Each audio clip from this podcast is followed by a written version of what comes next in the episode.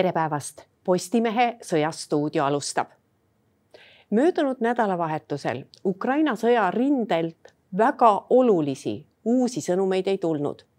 eile õhtul ütles Ukraina president, et kõige ägedamad lahingud käivad endiselt Donetskis, venelased ründavad, aga tänu halbadele ilmaoludele on rünnakud natukene vähemaks jäänud meil on stuudios endine Kaitseväe peastaabi ülem kindralmajor Neeme Väli, tere päevast. tere päevast. Kui me läheme nüüd edasi sellesama väljaütlemisega, mida ütles ka Ukraina president, et kõige ägedamad lahingud on praegu Donetskis, siis vaadates mõlemat poolt, kui palju keegi seal üldse edasi liikunud viimaste nädalatega on ja kas venelased selles paikkonnas pigem hoiavad rindejoont või üritavad siiski edasi tungida? Tegelikult äh, kogu see idarinne äh, rääkides, siis äh, Donetsk, Lugansk ja, ja alla siis peaaegu kuni Zaporožini välja on ju olnud pidev selline edasi-tagasi liikumine, seda üsna mitmel põhjusel. ja, ja ka praegu noh, märksõnad siin Bahmut äh,, Marinka et seal on väga palju selliseid asulaid, mis, mis käivadki nii-öelda käest kätte. Ja, ja Venemaa loomulikult üritab seal rünnata nii palju, kui jõudu äh, jätkub, sest kusagil äh, tuleb ju edu äh, raporteerida. ja Ukraina loomulikult on ikkagi kaitses. ja, ja mõlemad pooled on siis sinna suunanud ka nüüd seoses Hersoni vabastamisega vabanenud jõudusi nii et, et seal kindlasti selline lahingutegevus jätkub erineva intensiivsusega. Äh, erinevalt siis Hersonist, kus ma arvan, et äh, mõneks ajaks on, on asi suhteliselt rahulik. Kui palju venelastel on võimekust need väed, mis seal Hersonis nüüd taganesid, viia kusagile mujale? Ja kui me täpselt me siiski teame, et kui palju neid sõdureid seal on, sest ju Hersoni ägedate lahingute ajal ju käisid väga mitmed numbrid, räägiti kahekümnest tuhandest sõjamehest, aga räägiti ka neljakümnest tuhandest. ja no kui sa nii suuri inimhulki kusagile liigutad, siis äh, see ei ole päris selline lihtne töö, et sul peab olema ka, kust neid viia. et missugune venelaste võimekus on neid kuhugi viia ja kus see kuhugi on? ja see võimekus on kindlasti olemas ja, ja, ja need numbrid jäävadki kõikuma, ega siis äh, päris täpselt äh, ei tea keegi ma kahtlen ka, kas Vene pool väga täpselt ja inimese täpsusega teab, palju tal seal inimesi on. Aga, aga selge on see, et, et nüüd seda rinnet seal proovitakse tugevdada. ja, ja sinna on siis lisaks juba ees olnud väeüksustele viidud ka neid, kes siis Hersonis vabanesid. jah, tõepoolest on siin räägitud viieteistkümnest tuhandest, kahekümnest tuhandest Äh, kindlasti liigutatakse sinna ka äh, mitte ainult siis Ukraina territooriumil olevate vägede hulgast, äh, vaid ka tuuakse siis Venemaa ja Valgevene poolt sisse neid niinimetatud moobikuid. nii nagu need üksused siis sinna kohale saadakse peale komplekteerimist ja, ja võib-olla ka siis mingisugust vähest väljaõpet ja sama on Ukrainal, et Ukraina kindlasti ka üritab seda rinnet tugevdada otsides siis äh, võimalust, äh, kus oleks võimalik äh, natukene edasi liikuda või, või oma olukorda parandada kas Ukraina võiks üritada Hersonis veel edasi liikuda või ei ole seal praegu mõtet? ma arvan, et sellel praegu ei ole väga mõtet, et nii palju, kui see avaliku info põhjal võib otsustada, on seal rinne enam-vähem stabiliseerunud, mis on ka loogiline, sest jõgi on vahepeal Äh, äh, venelased äh, on tõmmanud oma kaitset isegi rohkem tagasi, kartes siis Ukraina poole pealt kaartulirünnakuid nii Himarsi kui ka suurtükisüsteemidega. ja, ja üritavad siis seal kuskil mingist, mingil distantsil kaitsejoont üles ehitada. Ja ma usun, et, et mingi hetk on seal võetud selline operatiivpaus selleks, et koguda jõudu Äh, ja oodata ka seda, et ilm äh, äh, muudaks maastiku jälle selliseks, mis võimaldaks siis raske tehnikaga sooritada manöövreid, aga ma usun jah, et Hersoni piirkond praegu mõneks ajaks jääb suhteliselt rahulikuks. No Herson on ikkagi suhteliselt lõunas, et ja. seal seda aega ilmselt, kui sa väljaspool teed saad sõjamasinatega liikuda, seda aega annab oodata. ma usun ka jah, et, et see on lõunas ja, ja kindlasti on vaja nii palju aega, et see nii-öelda see porine ja mudane aeg saab läbi ja, ja me ei oska siis öelda, kui, kui palju ja kui pikalt seal siis külma teeb, et, et võimaldada siis väljaspool teedevõrgustikku mingisugust suuremat liikumist no üldiselt on selle sõja loogika ja eriti nagu selle sõja, ütleme sellise viimaste kuude loogika ju näidanud seda, et ägedad lahingud põhimõtteliselt käivad ühes kohas või no võib-olla kahes kohas, et mitte kumbki pool ei jõua, te ka ütlesite seda terve rindejoone ulatuses kogu aeg sõdida. kas see järgmine koht kuhu nüüd mõlemad pooled tähelepanu pööravad, võikski olla see no, Donetsk? Ida-Ukraina, ma usun kindlasti jah, kas see nüüd Või täpselt? Äh, Donetsk on, eks ole, see rindjoon iseenesest on ju äh, väga pikk ja, ja seda kaitset äh, mõlemalt poolt, kusjuures selle kaitse pidamist ja tugevust ju tegelikult proovitakse pidevalt, et kus, kus võib-olla on need augud ja jälgitakse seda olukorda ja selline paus, noh, ma arvan, et kuidagi sellisel paradoksaalsel kombel on, on hetkel ehk kasulik mõlemale poolele. Et Venemaa ikkagi püüab äh, jõudu, jõudusi koondada ja mingisugust kaitset üles ehitada, püüab siis rindele tuua võimalikult palju neid värskelt mobiliseeritud inimesi, täiendada oma, oma laskemoonavarusi ja ka Ukraina äh, ilmselt vajab äh, mõningat aega selleks, et äh, ehitada üles kuskil uus raskuspunkt, et ma olen täiesti päri sellega tõesti, et et see rindejoon on niivõrd pikk, et, et olla tugev igal pool korraga, see lihtsalt ei ole võimalik nende ressursside juures. ja, ja ilmselt siis ehitatakse üles kuskile uus raskuspunkt, et siis seal, siis kui olukord on soodne, rünnakut jätkata no viimast kuud on ju iseloomustanud need äh, mitmed väga-väga tugevad raketirünnakud, mis on tabanud kogu Ukrainat. Eelmisel nädalal siis veel kõige kõvem, mille tulemusena siis toimus meil see ka see intsident seal Poolas, aga kui palju venelastel võiks olla veel jõudu sääraseid raketirünnakuid teha, ma mäletan, kui kaks esimest oli, siis ikkagi paljud analüütikud arvasid, et noh, sellega on kõik. Et äh, need, mis sinna oktoobrikuusse jäid, et noh, et nendega on kõik, et venelastel rohkem ei ole jõudu. see eelmise nädala teisipäev, kolmapäev ju näitas, et venelastel oli veel kõvasti jõudu, et seda teha no see ongi see põhjus, et äh, miks äh, ei ole tark mingisuguseid numbreid välja öelda, sest see on puhas spekulatsioon, öelda tõepoolest, et, et kui palju nüüd äh, täpselt neid rakette järgi on ja kas, kas on jõudu veel või ei ole enam jõudu, et, et sellel väga ei ole mõtet. mina arvan, et seda laskemoona on järgi Venemaal veel piisavalt, kindlasti ei ole see viimane ega jää viimaseks rünnakuks. Äh, iseasi muidugi on see, et kuivõrd palju Venemaa nüüd kõikides nendes tingimustes suudab toota nii-öelda sellist modernset ja, ja, ja tarka laskemoona või rakette Äh, seda ilmselt on väga keeruline tänastes tingimustes teha, küll aga äh, esiteks on, on äh, Venemaa suutnud osta oma sõpradelt sisse erinevaid asju. räägime siin siis, eks ole, Iraani päritolu droonidest näiteks. aga teiseks kindlasti on Venemaal veel järgi sellist tavalaskemoona, neid niinimetatud rumalaid rakette mida, mida võib ka äh, sõjas kasutada, mis loomulikult jällegi kindlasti äh, tänu oma vanusele ei ole enam töökindlad ja päris kindlasti ei ole ka nii täpsed, kui oleks selline moodsam tehnika. nii et Venemaa jõud äh, ei ole, ei ole veel otsas.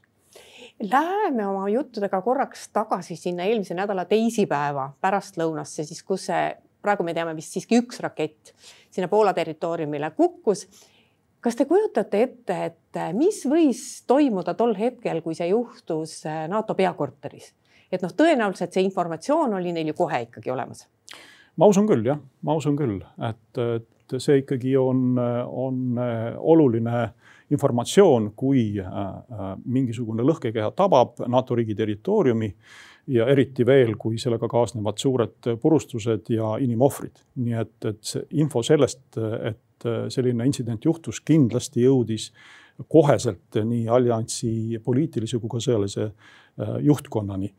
sest et äh, ütleme, NATO õhuruum on kakskümmend neli seitse jälgitav, see toimib ühtses süsteemis ja, ja lisaks sellele kindlasti äh, panustatakse sellisesse ühtsesse inforuumi ja olukorrateadlikkusega liikmesriikide enda poolt ja, ja kui me nüüd kerime natuke seda linti tagasi, siis kui te mäletate, siis Ameerika Ühendriigid ju ütlesid üsna kiiresti ja kohe, äh, millega võis tegemist olla. millest see siis siiski räägib, et ütleme noh, paljud poliitikud, ka meie poliitikud jõudsid enne teha väga jõulisi avaldusi Eh, viidates koheselt käivituvale eh, artikkel viiele. Hmm. enne kui nad olid üldse nagu taustalt aru saanud ja enne ilmselt, kui nendeni oli jõudnud üldse informatsioon NATO peakorterist, no ma ei mõtle kõigi poliitikuteni, see ei jõuagi. ma mõtlen ikkagi riigi võtmeisikuteni, kellega tõenäoliselt seesugust informatsiooni eh, jagatakse. tänaseks on, ma arvan, igaühe, igale inimesele selge, et NATO artikkel viis ei käivitu automaatselt? no mida üks või teine poliitik äh, mingisuguse väljaütlemise või äh, kommentaariga silmas pidas, seda tuleb küsida ikka nende endi käest. aga, aga noh, meil, no ma ei tea, võib-olla sellisele äh, ehk võib-olla osa sellisest kiirustamisvajadusest on ka ehk noh, mitte väga, väga kaugel olevates valimistes, eks ole, aga aga sõjaga on ju üldse nii, et, et selliste lõplike järeldustega kindlasti ei tasu kiirustada, sest informatsioon ja seda me oleme näinud siin ka Ukraina kontekstis kordi ja kordi, kus esialgu laekuv informatsioon on, on ebakorrektne ja väga ebaselge. nii et tormata antud juhul küll ei oleks olnud mõistlik. Ja, ja ka täna me veel ju ei tea lõplikku tõde, sinna läheb aega, uurimine ju alles käib. Äh, aga, aga teistpidi nüüd rääkides, siis artikkel viies, siis tõepoolest artikkel viis selliselt ei käivitu, selleks ikkagi on vaja liikmesriikide otsust. ja ennekõike, äh, mis on kõige tähtsam, peab ikkagi selle esmase seisukoha ja abivajaduse välja ütlema see riik, kes konkreetselt siis pihta sai no kui nii äge raketirünnak käib või ütleme riigi piiri lähedal käib nii äge sõjategevus, siis seda ei saa ju mitte keegi välistada, et kõrvalriigi territooriumile, mis juhuslikult on NATO riik, võib ikka midagi kukkuda ja selle sõja kontekstis tundub, et see oli isegi üllatav, et seda enda enne ei juhtunud. selliseid asju, et mõni rakett on kogemata kombel mõne NATO riigi territooriumile sattunud, selliseid asju on ju enne ka olnud täpselt nii, võtame kasvõi tänased uudised, kus, kus Süüria territooriumilt äh, lasti siis Türgi territooriumi pihta teadupärast ka ju NATO liikmesriik. ja, ja ka kaks inimest sai surma ja see ei ole esimene kord, kui sellised asjad Türgis on juhtunud ja kahjuks ilmselt võib arvata, et mitte ka viimane. nii et tõepoolest äh, äh, selliseid asju juhtub ja ma olen täitsa nõus, et et kui ikkagi ollakse ja elatakse riigi naabruses, kus käib täiemahuline sõda, siis sellised intsidendid paraku juhtuvad. Ja, ja kui nüüd nagu õhukaitse kontekstis ikkagi vaadata, siis äh, nii palju, kui siin avalikest allikatest on lugeda olnud, et selle ajahetkel oli ju sealsamas õhuruumis selle, selle koha vahetuslähedases õhus kuskil viiskümmend raketti ja noh, tõepoolest isegi kui sul on väga hea äh, äh, radarikate, et nüüd hakata ennustama, et kas ja kus ja kuidas ja, ja, ja tuleb mõni sinu poole, et, et seda on noh, praktiliselt võimatu teha nii et seda ei saa välistada, et äh, Ukrainaga piirnevate riikide territooriumil võib ka edaspidi, enne kui sõda ära lõpeb, midagi juhtuda. ja me ei saa seda välistada. räägime natuke veel sellest Hersoni järgsest ajast, et hästi palju Äh, lääne meedia spekuleeris selle üle, et äh, kui Hersonis on ukrainlased olnud edukad, et siis pärast seda võib taas rääkida mingitest rahuläbirääkimistest. no ütleme, see, kas võib või ei või, see on põhiliselt poliitikute teema ja kas lääneriigid survestavad Ukrainat või mitte, no see on ka poliitikute teema, aga sõjaliselt et kas sõjaliselt äh, praegu, kui Ukraina on ikkagi edu saavutamas, on neil mõtet võtta läbirääkimistest aega maha? no sõltumata sellest, mis nende läbirääkimiste tulemus võiks olla ja ma isegi nende läbirääkimiste puhul ei kujuta ette, et seal üldse mingit tulemust võiks olla no minu arvates on Ukraina väga selgelt välja öelnud, äh, missugused äh, peavad olema tingimused selleks, et üldse mingitest läbirääkimistest rääkida et seda on Zelinski öelnud ju maha kordi ja kordi ja, ja ma arvan, et antud juhul siin ei ole vahet, kas tegemist on siis poliitilise või sõjalise vaatenurgaga. et, et noh, antud hetkel mina küll ei usu, et, et äh, Ukrainal oleks mingitki põhjust äh, võtta mingi paus ja, ja alustada läbirääkimistega, sest et äh, Ukraina on olnud tegelikult sõjarindel edukas. teiseks lääne abi Ukrainale jätkub, jätkub hoolimata ka sellest õnnetust raketiintsidendist, et selles ei tasu kahelda. ja, ja Vladimir Zelenskõi on, on, on öelnud ju seda, et, et minu tingimused on, on sellised, et Ukraina territooriumil Vene sõjaväge ei ole, et siis, siis räägime edasi. ja, ja ka seda, et Venemaa võtab endale kohustuse Äh, panustada Ukraina ülesehitamisse ja, ja, ja nii edasi, nii et äh, ma ei näe, ma ei näe, et Ukrainal peaks olema täna huvi mingisuguste äh, läbirääkimiste vastu. nüüd üks sündmus, mis nädalavahetusel tõepoolest juhtus, oli see, et hakati jälle ründama Zaporižžja tuumajaama ja praeguseks ei ole küll päris selge, kes seda tegi.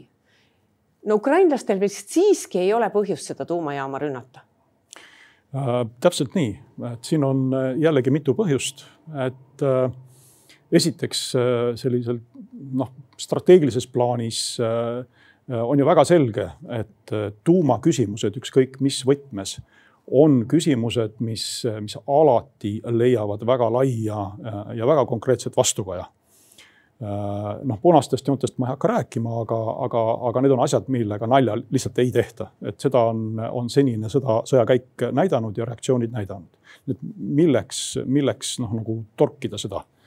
aga teiseks, tegemist on ju Ukraina enda infrastruktuuriga ja seni, kui me vaatame, mis sõjas on toimunud, siis tsiviilinfrastruktuuri süstemaatiliselt on ju purustanud Venemaa, mitte Ukraina nii et ma ei, ei, ei näe küll mingit põhjust, miks oleks Ukrainal vaja kuidagi seal äh, Zaporožje tuumajaama ümber mingisugust äh, pauku teha. No me ju kõik ootame häid uudiseid ja nädalavahetusel hästi palju refereeriti Ukraina asekaitseministrit, kes andis intervjuu Sky Newsile ja kes ütles seal välja, et aasta lõpuks oleme Krimmis ja järgmise aasta suveks on sõda läbi. no kuidas küll ei tahaks, et nii on, aga kas see sõnum võis olla selline, et ta tõesti usub seda või see sõnum oli ikkagi, et tõsta võitlusmeeleolu ja, ja pakkuda häid uudiseid? no ma usun ka, et, et annaks jumal, et see nii läheks. vaadates kaarti ja, ja seda, mis toimub, noh ma ei näe, et hetkel oleks selline suur läbimurre kuidagi silmapiiril et, et loomulikult kõik ametiisikud ju äh, peavad ikkagi oma võitlejatele andma sellist positiivset sõnumit ja süstima inimestele lootust. Ja seda eriti nüüd, kus, kus ju kohe-kohe on ju tulemas talv ja külm ja, ja, ja rahvastik tegelikult ju, ju kannatab juba täna, eks ole, sest et väga palju ju elektritaristust on venelaste poolt purustatud ja ja on tõsised probleemid, et, et anda nagu inimestele kõike seda, mida, mida nad vajavad selleks, et elu nagu normaalseks toimiks, toimiks. aga, aga noh, loomulikult ei saa ju äh, asekaitseministrile ette heita seda, et ta üritab äh, sisest, äh, sisendada inimestesse lootust. kui me vaatame nüüd kogu seda pikka rindejoont siis äh, ennustage ikka natuke midagi, et kus kohal, äh, kus kohal oleks ka sõjaliselt mõttekas, kui jõudu on hakata seda nihutama? No see sõltub ikkagi konkreetsest olukorrast, eks ole, et, et see ikkagi sõltub, kuidas ukrainlased olukorda hindavad. palju neil on võimalik koondada vägesi äh, mingisuguseks tõsiseks ründeks teiseks, äh, kuidas on äh, olukord ja kuidas on Venemaa suutnud koondada oma vägesi siis selleks, et territooriume kaitsta või juurde hõivata. ja, ja noh, täna me näeme seda, et ikkagi põhiline lahingutegevus toimub nii-öelda idarindel, aga üsnagi laial rindejoonel. nii et kogu Luganski, Donetski piirkond, aga siis ka siia Zaporožje juurde välja Äh, ja, ja siin on jah, tõepoolest, nagu me alguses rääkisime, äh, kusagil siinkandis on need asulad, mis siis äh, käivad pidevalt käest kätte. noh, Bahmutist on uudistes ju räägitud juba, ma ei tea, kuude kaupa, eks ole, et küll, küll ühtepidi, küll teistpidi, Marinka, samuti Kramatorsk ja, ja kaardi peal siin ei ole märgitud, kuskil siinkandis on ka Svatove, mis on siis selles mõttes nagu ukrainlaste jaoks olulised punktid, et, et sealt, seal on äh, raudtee sõlmristmikud. ja kui nüüd õnnestuks nad ära võtta, siis see kindlasti halvaks tugevasti Vene logistikat nii et äh, ilmselt äh, ma arvan, järgmine selline tõsisem tegevus ukrainlaste poolt võetakse ette kusagil siin idarinde kandis, kus täpselt seda ma ei oska praegu öelda, eks see sõltub sellest ikkagi, kuidas need võimalused avanevad. Äh, ja, ja ma usun, et äh, kui me räägime nüüd talvest, siis ilmselt ikkagi, kui nüüd ei teki mingit sellist tõesti ootamatut eduvõimalust, aga aga oodatakse ilmselt ära see aeg, kui tõepoolest see porine aeg saab mööda ja kui pinnas on uuesti kas siis piisavalt külmunud, et, et saaks kusagil kiiresti edasi liikuda ja ja, ja ilmselt siis üritatakse seal jällegi mingit sellist äh, tõsisemat läbi, äh, läbimurret teha. Äh, samas noh, ka Venemaa, eks ole, ei, ei maga ja, ja ilmselt järjest tuuakse sinna neid vägesi juurde mobiliseeritute arvel ja püütakse siis ka tehnikat koondada, nii et, et sellist sellist lahingutegevust, raugevat ja tugevamat selliste lainetena, et seda me ilmselt näeme veel päris palju no see idarinne on ju tegelikult isegi piisavalt pikk. et jah. praegu võib arvata, et äh, lõunas siiski mingiks ajaks noh, kas tekib just vaikus, aga mõlemad on oma positsioonidel, seda enam, et noh, vaevalt äh, Krimmist rääkisime, no vaevalt ukrainlastel praegu on jõudu ja kas on üldse mõtet sinna Krimmi poole pürgida? No selles mõttes kindlasti on mõtet, et äh, ikkagi see on Ukraina territoorium, aga, aga tõepoolest jah, et kui me vaatame siin prioriteetsust, siis ma pigem äh, vaatan ida poole kui, kui lõuna poole, et lõunas on tõepoolest nii, et see rinne on siin jõejoonel stabiliseerunud ja, ja see hetkel, ma usun, rahuldab äh, mõlemat poolt ja annab sellist võimalust ennast korrastada Äh, ukrainlased on selles mõttes ka olnud edukad, et, äh, et nad on liikunud Krimmile lähemale ja suudavad siis erinevatest relvasüsteemidest ka äh, Vene sellist logistikat mõjutada. nii et pigem jah, nüüd peaks rohkem vaatama mitte lõunasse, vaid, vaid idarinde poole. Aitäh, Neeme Väli, ühinemast meie saatega. aitäh teile. ja aitäh ka kõigile neile, kes meid vaatasid. nii palju veel, et meie järgmine otsesaade on eetris juba homme. seniks lugege uudiseid postimees.ee